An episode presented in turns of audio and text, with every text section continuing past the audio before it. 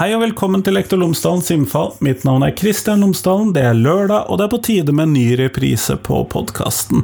Jeg har jo tidligere forklart hvorfor jeg har disse repriseepisodene, og jeg satser på at du setter pris på dem, og at du hører noe du ikke har hørt før. Hvis du har hørt det alt før, så er jeg selvfølgelig veldig glad for det, for det betyr jo at du har hørt ganske mye på podkasten min. Men i hvert fall, denne gangen så er det en reprise fra intervjuet mitt i februar 2017 med Ingrid Rosendorf Joyce i Samarbeidsrådet for tros- og livssynssamfunn. Og der er hun fremdeles leder, så sånn sett så er dette fremdeles veldig aktuelt. Vi snakker om eh, norsk religionsdialog, norsk religionsmangfold, vi snakker om hvorfor Samarbeidsrådet er spesielt, vi snakker om hva eh, religionslærere trenger å vite om denne dialogen, og vi snakker om hvorfor dette er viktig i det norske samfunnet. Så det tror jeg kan være interessant. Ellers, podkasten er jo som alltid sponset av Cappelen Dam Utdanning, og hvis du går inn på skolen.cdu.no, så finner du alle de ressursene, oppgavene, lærerveiledningene osv. som Cappelen Dam Utdanning har laget i forbindelse med fagfornyelsen i grunnskolen. Alle fag, alle tema, alle tverrfaglige emner, alle årstrinn, alt sammen finner du der. Det finner du på skolen.cdu.no. Men her kommer intervjuet med Ingrid, vær så god.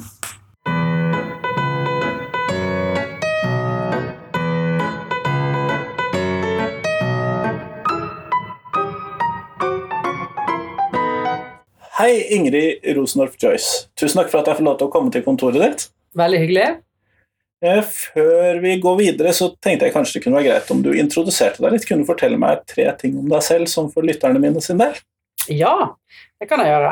Eh, du har jo allerede sagt hva jeg heter. Ingrid Rosendorf Joyce. Eh, jeg er Jeg kan jo begynne med det, begynne med det nære, da. Og si at jeg er kvinne, mamma, kone og datter.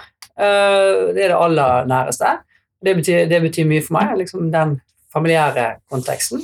Så er jeg katolikk, så der har vi den eh, vertikale forankringen min. Eh, eh, katolikk og jobber med jobber i noe som heter Samarbeidsrådet for tros- og livssynssamfunn, der jeg er leder.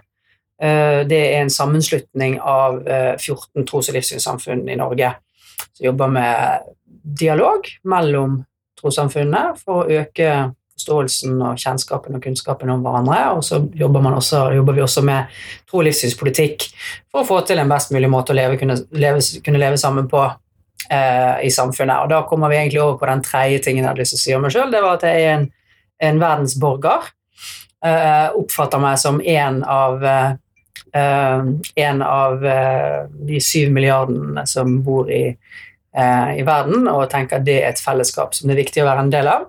Um, både i forhold til å få til det at vi alle milliardene kan leve sammen i fred og fordragelighet uh, over hele kloden, og, og, også gripe fatt i de utfordringene som, som vi er nødt til å lese, løse i fellesskap, hvor jeg tror kanskje eh, fredsarbeid og interreligiøs dialog kommer høyt opp på den agendaen, og klimaarbeid kommer også høyt opp på den agendaen. Som også krever samarbeid og dialog, selvfølgelig. Det gjør det. Dialog og samarbeid er jo en fryktelig god um, et godt verktøy i veldig mange, uh, veldig mange sammenhenger. Mm.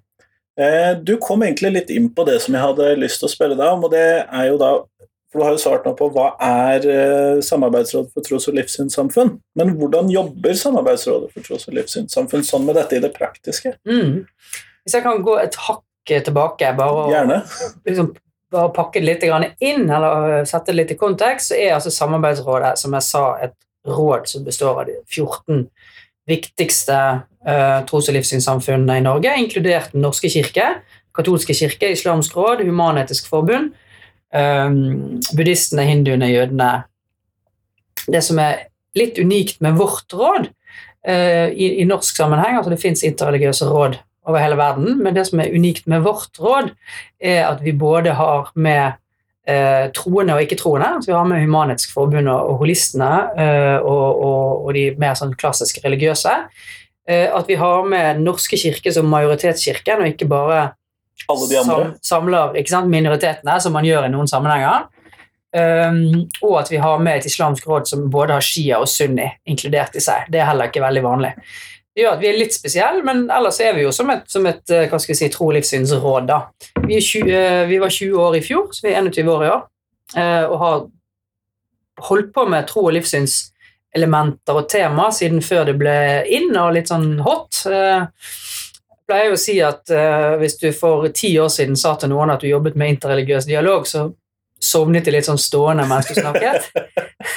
Men hvis du sier det nå, eh, så kan det, kan det nesten være en døråpner til en god samtale. Da. Veldig mange sier 'jøss, det er spennende', eh, og, vel, og ganske mange sier også 'dette er jo utrolig viktig i vårt samfunn'.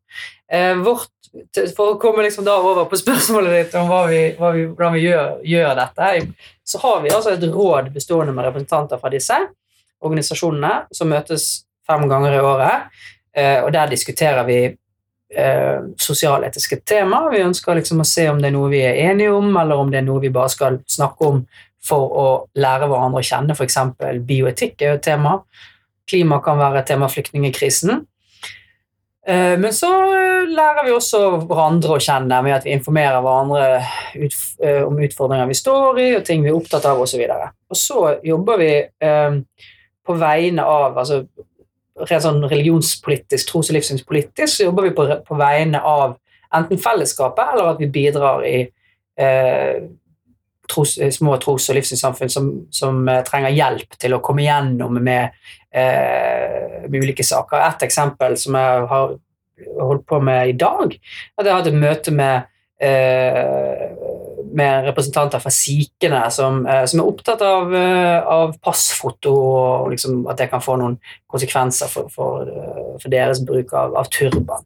Altså, så det er sånn praktisk. Eh, Når det gjelder det med tros- og livssyns eh, eh, Kanskje vi kommer tilbake igjen til det, men, men der, er det jo, der jobber man jo nærmest som en interesseorganisasjon. altså eh, Prøver å få til gode eh, gode offentlige fellesløsninger, altså både i lov Nå skal det komme en ny lov i 2017 på tros- og livssynsfeltet, og også i, i politikk. altså Det kommer en stortingsmelding om et par år på dette feltet. Um, hvor vi da ønsker å liksom, bidra inn til å få gode løsninger som, som, som vi alle kan leve med. da. Um, i tillegg til dette rådet som jeg sa, som møtes fem ganger i året for å diskutere alle disse sakene, så har vi et tro- og livssynslederforum, som er sånn topplederne på, um, eh, i STL. da, Eller de religiøse eller åndelige lederne, kan du si. Ja. Nå tror jeg ikke nødvendigvis at Humanisk Forbund kjenner seg helt igjen i den, i den eh, betegnelsen, men, men, men det er liksom topp styrelederne eller topplederne Ja. mer enn liksom de som driver den daglige driften. Jeg tror de humanetikerne får overleve den betegnelsen. Ikke sant? Ja, og det gjør de. Det, mitt inntrykk er at det gjør de jo eh, veldig godt, og med et smil om munnen, så det tror jeg går fint. Um, de, eh, dette rådet, eh, eller forumet, lederforumet, møtes to ganger i året og diskuterer mer sånn, hva skal vi si, kanskje litt sånn mer eh, åndelige ting, eller spirituelle ting, innholdsmessige ting, som forrige gang så diskuterte de eh, døden, ulike tros- og livssynssamfunns forhold til døden.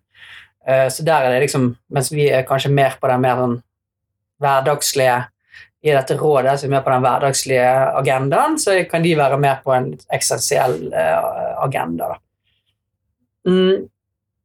Ja. Men dette, dette er jo en ganske bred organisasjon, og så vidt jeg forstår, selv uten Norske kirke så ville jo dekket relativt stor del av alle de andre. Ja. Så det er en ganske god porsjon av den norske befolkningen som er med på en måte Mm. da, i dette. I hvilken, eh, I hvilken grad kan man da få ha noen sånn, kalle felles uttalelser fra eh, et råd sånn som STL, når det er såpass bredt? Når du sier at du har med både Shia du har med Sunni, de er ikke nødvendigvis enige, du har med norske kirkedom og alle andre utenfor, og så har du med alle disse også ikke-troende også. Det Mm. høres litt vanskelig ut å kunne bli enig. Ja, og det er det jo. Og det er ikke alltid at det å bli enig er poenget heller. Um, eh, altså det, vi, det vi gjør, er jo at vi identifiserer problemstillinger som, er, som, som vi er opptatt av. Så det er klart at vi har ikke som råd noen meninger om, om, eh, om den nye tunnelen gjennom eh, et eller annet fjell skal gå på venstre eller høyre side av Nei, det håper jeg ikke. Nei, ikke sant? Så det er klart at vi, For det første så må det jo handle om, om vårt felt. Eh, og der viser det seg jo at eh, og der viser det seg jo at noen ganger så har vi ganske sammenfallende interesser. Det handler om å få rom eh, til å leve ut sin, eh, sin religiøse eller tros- og livssynsmessige identitet i samfunnet. Um, så der vil det jo være sånn at man langt på vei eh, ønsker å legge til rette for et liberalt eh, samfunn i den forstand at det skal være lov å leve også med den siden av seg selv. Um, og så vil det jo være f.eks. På, en del eh, på en del sosialetiske temaer så vil vi jo ønske å se om det er mulig å for eksempel, kunne si noe i det offentlige rom, nettopp fordi at, som du sier, så representerer vi ganske mange. Representerer kanskje en, eh, en 85-90 av, uh, av norske befolkning. Og da er det klart at hvis vi kan si noe samlet om et eller annet, så tenker vi at det har en tyngde, da. Men, men, så vil det jo også være noen temaer som hvor det vil være, hvor det vil være forskjellige meninger. Sant? Noen ganger kan, kan meningene gå de troende versus de ikke-troende, for å sette det litt sånn enkelt opp. Det kan være uh, de kristne uh, på den ene siden og de ikke-kristne på den andre siden. Det kan være sta, altså, Norske kirke på den ene siden og alle de andre på den andre siden. altså Minoritet, majoritet. Det er mange, mange uh, mulige sånne og, og, noen ganger vil det være like viktig å identifisere det da, og si at på dette feltet så er det, her er det uenighet. Vi hadde um, noe som, som, sikkert mange vet, så fra første i første så ble Den norske kirke et, altså et, et eget rettssubjekt. Uh, mer, mer, og mer løsrevet fra staten nå. Um, og da, i den, uh, i den, forbindelse så kommer denne nye loven da, ut på høring, uh, ny tro- og livssynslov, som skal erstatte den gamle kirkeloven og den gamle tros, tros og livssynsloven. Um, der er det jo klart at, at noen ganger så vil det være sånn at norske kirke og minoritetene har litt ulik inngang til, eh, til et enkelt tema da, som skal belyses. Det kan være hvordan finansiering skal organiseres, hvor man har rett og slett ulike eh, både interesser og ulike utgangspunkt. Um, jeg syns ikke det er så farlig at vi ikke er enige om alt hele tiden. For det, jeg tenker at det handler også om det store samfunns store samfunnsoppgaven vår. Eh, og Det er nemlig å få til å leve sammen med ulikhet. Ikke sant? Altså I Norge er vi veldig veldig gode på å være lik. Har en, vi har vært like i Norge over lang lang tid og er gode på det. og Det er helt klart en flott vi må lære å bli pluralistiske? Ja, vi må rett og slett lære, vi må lære å være, eh, være mangfoldige og pluralistiske. Og vi må også lære å være uenige. Eh, vi kan ikke forby det vi ikke liker. Eh, I 1814, når vi fikk, eh, vi fikk, en av verdens mest liberale grunnlover, så hadde den også en av de mest eh, illiberale paragrafer, paragraf 2, som forbød jøder og jesuitter og munkeordener å komme til, til Norge. det var jo egentlig med utgangspunkt i at man ikke likte det. som et paradoks så er det jo faktisk sånn at jesuittorden ikke fantes på det tidspunktet den ble forbudt i Norge. Det er jo morsomt. Uh, så det var jo ikke noe konsekvensanalyse. Uh, så det er jo ikke, det er ikke noe sånn konsekvent etikk i, i, i, å forby noe som ikke fins. Uh, men det ble forbudt, og det er jo som, som en resultat av at noe man ikke liker. Og det kan jo være ting man, altså det kan jo være tradisjoner hos hverandre, også basert på tro og livssyn, man ikke liker. Men det betyr ikke nødvendigvis at man skal forby den. Så folk er ulike, og, og det er mange mange veier til det gode liv, da. Så mitt gode liv trenger ikke nødvendigvis være ditt gode liv, men jeg tror godt vi kan leve sammen i, i fred og fordragelighet. Eh, også hvis det fins Hvis det da er ting i ditt, eh, i din, ditt livssyn eller i din måte å leve på som jeg misliker sterkt, så er det andre fins det andre verktøy enn å forby det, tenker jeg. Ja, så lenge det ikke faktisk rammer noen, da. Selvfølgelig. Det er klart, og det er jo grunnleggende, et grunnleggende poeng i hele i um, tros- og livssynsfriheten. ikke sant? At du kan ikke, du kan ikke, utøve din egen tro- og livssynsfrihet på en måte som gjør at du hindrer andre å utøve sin. Uh, så det er klart, det kan ikke gå utover andre mennesker. Uh, det kan det ikke. Eh, hva slags type saksområder er det STL tradisjonelt har sett på? Eller sånn Du nevnte jo alt fra sånne små eh, små, lette saker som er, Eller sånn Det virker som små saker, i hvert fall. Sånn som f.eks. turban på passbilder eller sånne ting. Eller finansieringssystemet. Er det, er det i hele dette spekteret saksområdene har ligget? Ja, det er i hele det spekteret, men det er også i andre altså Utgangspunktet for STL bakgrunnen for STL var jo at man samlet seg mot kristendomsfaget i skolen. Um, og eh, det handlet jo om eh, innfør, innføringen av eh, KRL-fag eller RLE-fag eller KRLE-fag eller hva det heter denne uken. De skifter jo, skifter jo navn, så det gjelder å henge med i timen. Um, så egentlig så var jo dette, dette bakgrunnen for at, at SL ble, ble stiftet. Man ønsket ikke en forkynnende kristendomsundervisning, man ønsket ikke en Man kjente seg ikke igjen i, eh, i undervisningen om den andre, altså den, ens, egen, ens, egen, religion.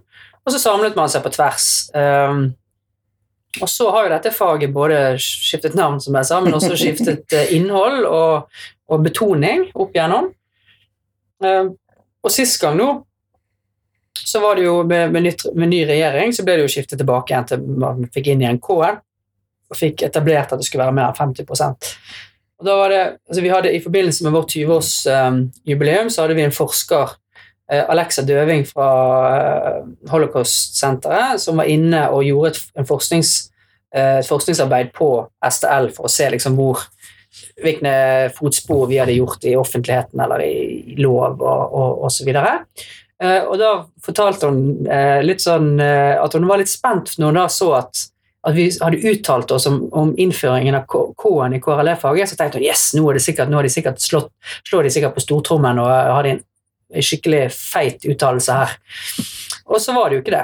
Det vi, det vi, hadde sagt Vi hadde et møte med, med, med utdanningsministeren og uh, kunnskapsministeren, og um, det vi egentlig sa, var at vi syntes de burde uh, at de burde evaluere faget før de begynte å endre det.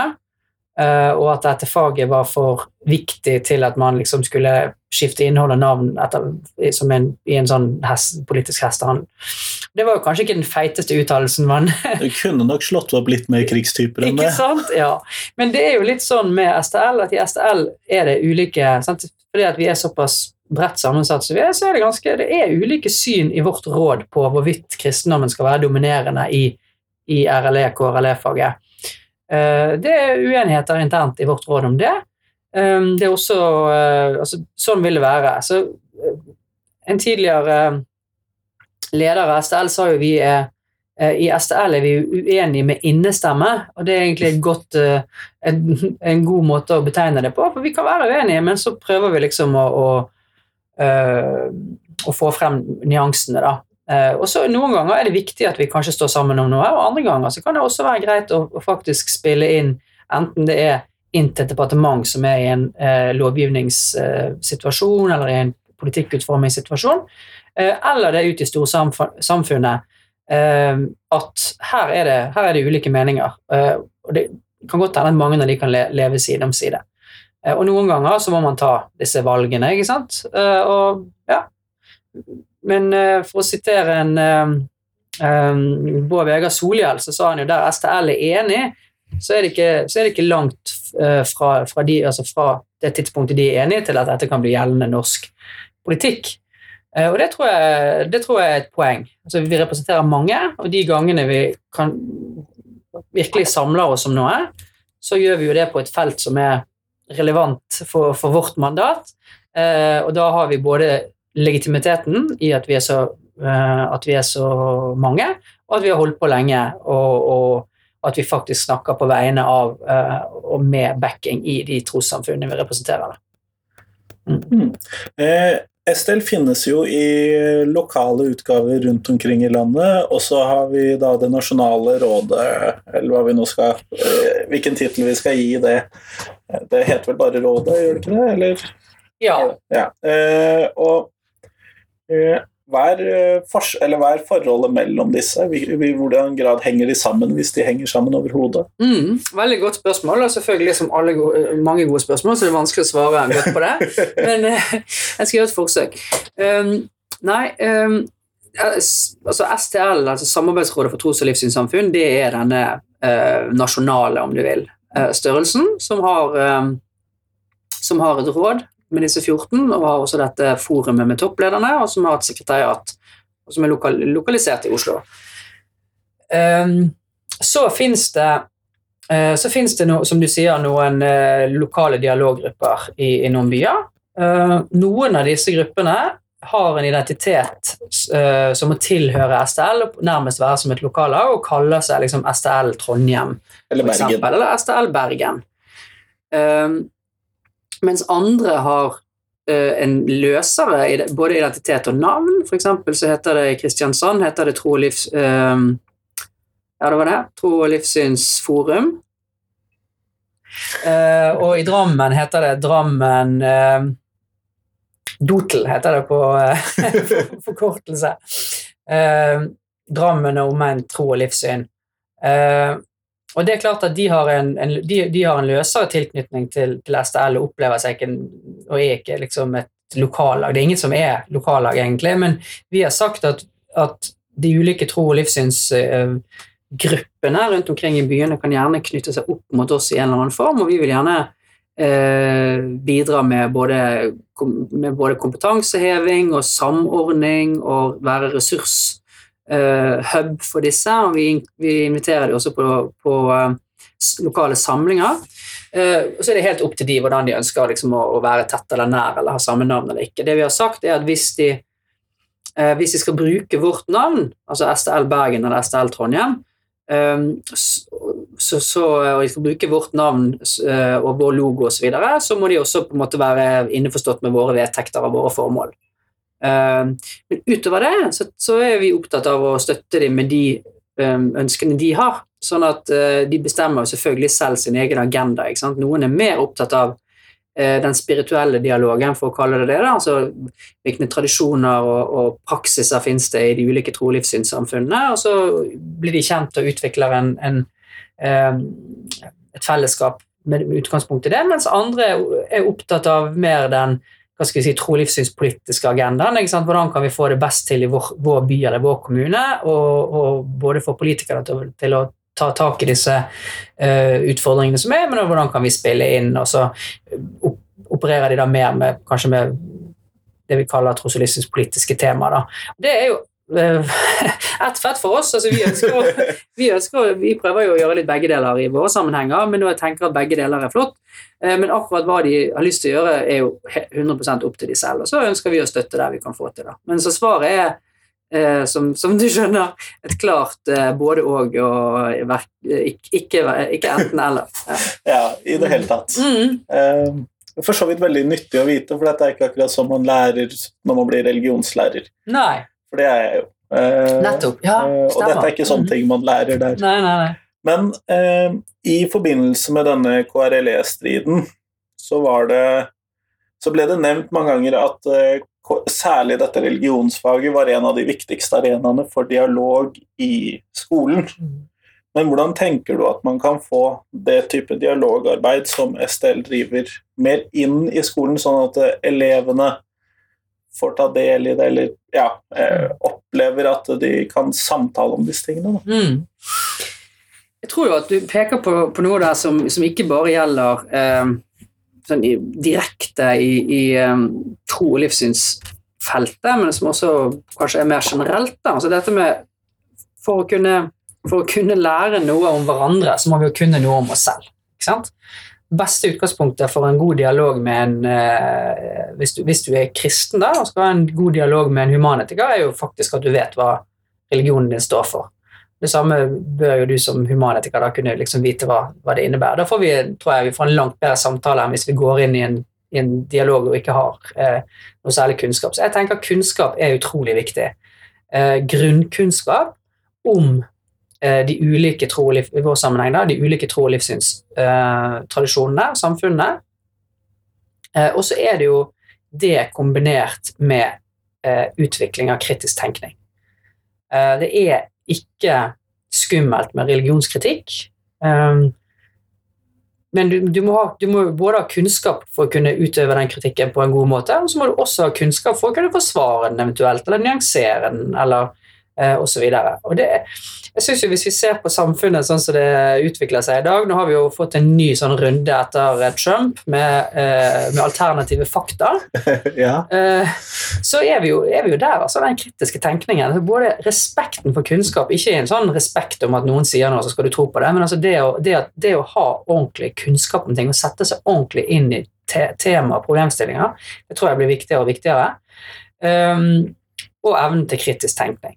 Altså, det er jo ikke mer enn, altså, når jeg er på ungdomsskolen, så, eh, så, var, så, handlet det jo ikke om Da var det ikke noe internett. ikke sant? Da, eh, da brukte vi jo leksikon for å slå opp i ting. Uh, og selvfølgelig leste aviser og alle de andre tingene. Men der var jo på en måte leksikon Det var jo så hva skal jeg si, kvalitetssjekket i alle, alle bøyer og kanter. Men det som sto i leksikon, det var god grunn til å tro at det var liksom relativt korrekt. da. Mens nå kan jo hvem som helst legge ut hva som helst på internett og late som det er en nyhet. Og, og få til liksom historier. Og, så denne kritiske tenkningen den blir jo bare viktigere og viktigere, tenker jeg. Så det er nok, det er nok en kombinasjon av det. da. Økt kunnskap og, og trening og, og, og Trening i å snakke om disse tingene? Ja, trening å snakke om disse tingene, og snakke om dem med litt sånn innestemme og senkede skuldre. ikke sant? For dette er jo ikke alt som er så utrolig skummelt. Men det har jo, i Norge så har jo tro og livssyn vært litt sånn vært litt sånn berøringsangst for det. Kanskje vært litt sånn lett forakt mot, uh, mot religion i noen sammenhenger. Um, og så er vi på en måte kommet et stykke videre. Sant? At um, vi er blitt uh, mye mer uh, mye mer mangfoldige. Det fins folk med ulike religiøse bakgrunner osv. Og, og alle menneskene har jo de samme rettighetene alle de samme rettighetene til å bli ivaretatt fra vugge til grav med sitt tro og livssyn. Det betyr jo ikke at anything goes, men det betyr at, at man må, må, legge til rette for den delen av, av menneskets identitet også. da et, uh, litt senkede skuldre og litt sånn innestemme, så får man løst ganske mye, tenker jeg da. Det kan jo være det at selve befolkningsutviklingen også kan kanskje hjelpe til med dette dialogarbeidet. fordi at når jeg vokste opp, så jeg tror ikke det var så fryktelig mange ikke-statskirkelige i klassene før bosnierne begynte å komme en gang på midten av 90-tallet. Nei, ikke sant? Ja. Det var vel kanskje samme når du vokste opp? Ja, uh, altså vi var jo katolikker, da, men vi var de eneste katolikkene på skolen. Uh, jeg er ikke så veldig overrasket. nei, og da, det, da, ble vi utsatt for sånne spørsmål som ikke sant uh, ja, kan, du, kan, du, latin og, og historier om sånne døde barnelik som visstnok skulle befinne seg i sånne sånne underjordiske ganger mellom munke- og nonnekloster osv.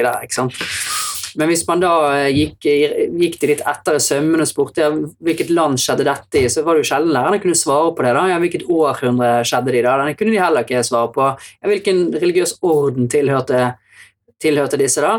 Det kunne de heller ikke svare på. Da er liksom, Neste spørsmål er jo da ok, men er all, all uh, informasjon vi skal motta eh, like dårlig fundert? Altså, det, hvor, er liksom, hvor, er kunnskapen her da igjen? ikke sant? For, eh, for både konspirasjonsteorier og, og eh, alternative sannheter eller alternative fakta. De lever jo fryktelig godt hvis de ikke blir imøtegått, hvis de ikke blir eh, sett, hvis man ikke kikker folk i kortene. ikke sant? I hvor stor grad møter dere konspirasjonsteorier og alternative fakta i arbeidet deres her i Estel? Ja, det, det, nå må jeg jo si at det er veldig mye som er veldig bra i Norge. Det er lov å drive litt reklame for kongeriket her, altså. Eh, vi ser jo at i internasjonalt, også i Europa, så er, eh, så er det et, et, fokus, og i Norge, så er det et fokus på identitet. Et økt fokus på identitet. Og en del av retorikken som også norske politikere eh, bedriver, eh, bygger opp under sånn oss og dem-skille. Eh, og ofte så jo, ser vi at etnisitet og religion er med på de skillene. Eh, og eh, ja, hva som er på en måte direkte konspirasjonsteorier, hva som er sånn eh, alternative fakta. Det er ikke, altså Dette er jo glidende overganger. og vi, Som sagt så syns jeg det går ganske mye bedre i Norge enn andre steder. Men jeg tror vi skal være, vi skal være på, på, vakt for det. da. Uh, jeg tror vi skal være på vakt for både det der å dele mennesker opp i grupper, og spesielt når du tar utgangspunkt i liksom, også dem og minoritet og majoritet og sånn, så er ikke det veien å gå, tenker jeg. Nei, og jeg syns jo det ser ut som det er i hvert fall en viss økning i det, også her til lands. Da. Ja, Særlig nå i vinter. Særlig var det vel kanskje det begynte å dukke opp. ja da.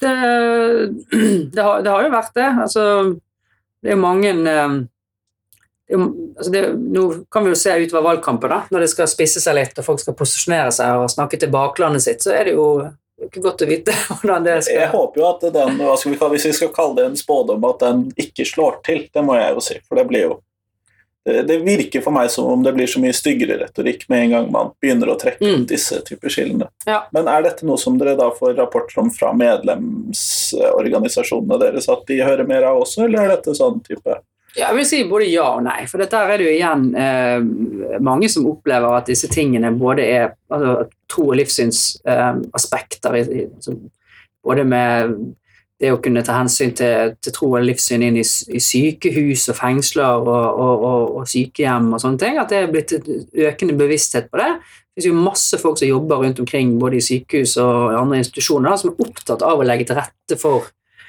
at mennesker skal kunne leve hele, hele livet sitt hele livet. Uh, leve med hele seg hele livet. Uh, så at der er det jo den positive siden av det. At det er en økt bevissthet som gjør at også en økt sensitivitet på det. Men på den andre siden så får vi jo også uh, høre at, uh, at det kan være vanskeligere for noen grupper å, å finne, finne seg leilighet, f.eks. Eller vi har jo alle hørt historier om, om folk med utenlandske navn som ikke kommer på jobbintervju. ikke sant? Og så ja, den type ting? Det, det er et, det er et eh, vedvarende problem. Mm. Eh, hvis vi da ser på dette med alternative fakta, og så ser vi på dette her med eh, at man trenger kunnskap for å drive den religionskritikken og den religionsdialogen på en god måte og kunne stille med trygghet. Har Estelle kommet med noen ønsker for et oppdatert religionsfag, eller er det mer sånn eh, Eller har man ikke kommet dit fordi det ikke har blitt etterspurt ennå? Nei, vi har ikke kommet helt dit, men det vi, det vi, har, det vi har sagt tidligere, altså i disse diskusjonene, både i forbindelse med KRLE eller KRLE-fag, uh, men også i, uh, i hele pensumdiskusjonen i norsk skole, er jo at vi ønsker et fokus på dialog, og et ønsker et fokus på mangfoldet.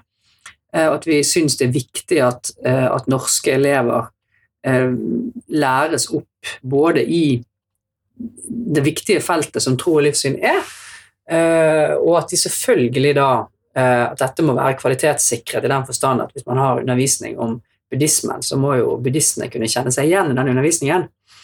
De må liksom kunne nærmest si at ja, dette, dette er sånn vår religion er. Um, så det er jo det ene, og det andre er at vi ønsker et, eh, et økt fokus på dialog, altså både som metode og, og, og um, eh, ja, som, som en metode, da. Um, og i dette så ligger det dette med, med kunnskap og, og, og, og kunnskapskritikk. Um, nei, og, um, uh, kildekritikk og kritisk tenkning og sånn. Så er det jo en stor diskusjon som går på dette med, med formålsparagrafen, om den som skal være en kristen formålsparagraf eller ei. Det er jo klart at det er en stor diskusjon. Den skal vi ganske snart uh, berøre i våre sammenhenger, så jeg tror ikke jeg skal forskuttere uh, konklusjonene. Ja, det skal du få slippe. Men jeg kan liksom antyde at jeg vil gjette at det fins flere meninger om det eh, internt hos oss. Um, og så må vi Ja, og da er det jo litt sånn som vi jobber i våre sammenhenger, er at vi prøver å, å eh, åpne opp, da, i den forstand at vi ser er det noen ting vi er enige om her. Er det, altså, hvis- dette skulle være en nå skal jeg igjen altså ikke forskuttere, men hvis det skulle være en uenighet, så ville det være interessant å se hva er- ligger uenigheten i, og hva kan man på en måte eh, hva kan man enes om, og hva kan man nærmest leve med, altså hva liksom er greit, eh, osv. Det er jo litt sånn som vi jobber, da. Vi skal finne frem til noen anbefalinger, hvis, hvis det er det vi ender opp med at vi ønsker å gjøre, så kan det være noe sånt. Mm. Det gleder jeg meg til å lese når det kommer, Ja. hvis det kommer. Ja.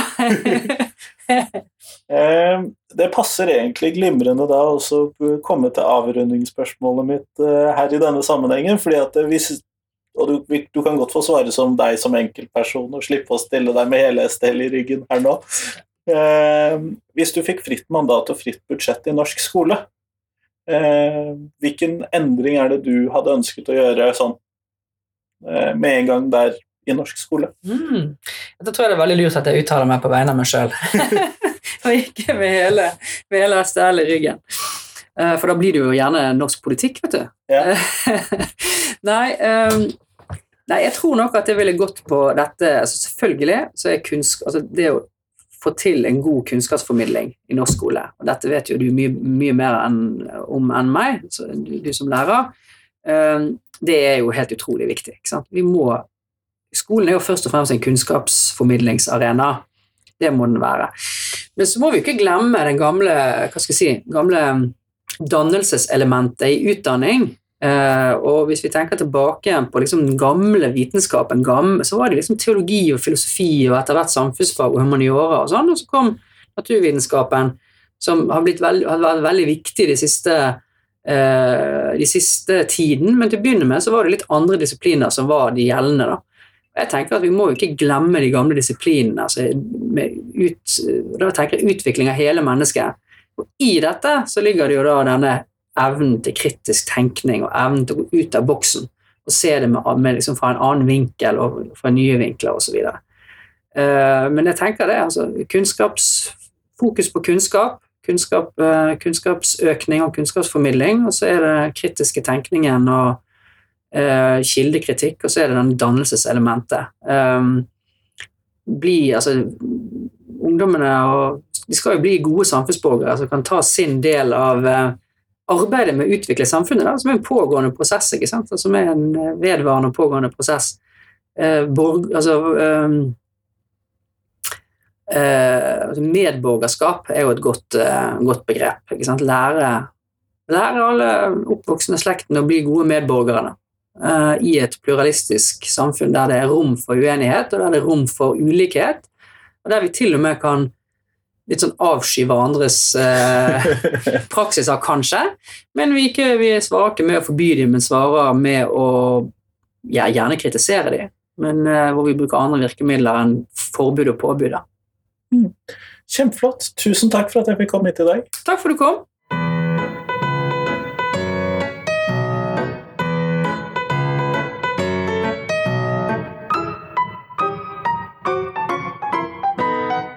Tusen takk til Ingrid, og tusen takk til deg som hørte på. Nå på tirsdag så kommer det en helt ny episode på podkasten, akkurat som vanlig. Og så satser jeg på at det kommer en ny repriseepisode neste lørdag. Det tror jeg blir veldig bra. Jeg har masse interessante gamle intervjuer som jeg har lyst til å dele med deg. Så satser jeg på at du er en av de veldig mange som begynte å høre på podkasten i løpet av 2020 og 2021. Men hvis du har hørt på podkasten lenge, og du har hørt disse gamle episodene tidligere, så satser jeg på at du liker å høre de med litt opprensket lyd. En del av de har fått bedre lyd. Det er ikke alt jeg kan gjøre, for jeg kan ikke trylle heller, men de har fått litt bedre lyd, og hvis ikke du har lyst til å høre de om igjen, så satser jeg på at da bare sletter, de. Du, sletter du de og går videre til noe du ikke har hørt før. Det er altfor mange gøye podkaster uansett å høre på. Men i hvert fall, du får ha en fin helg videre. Hei, hei!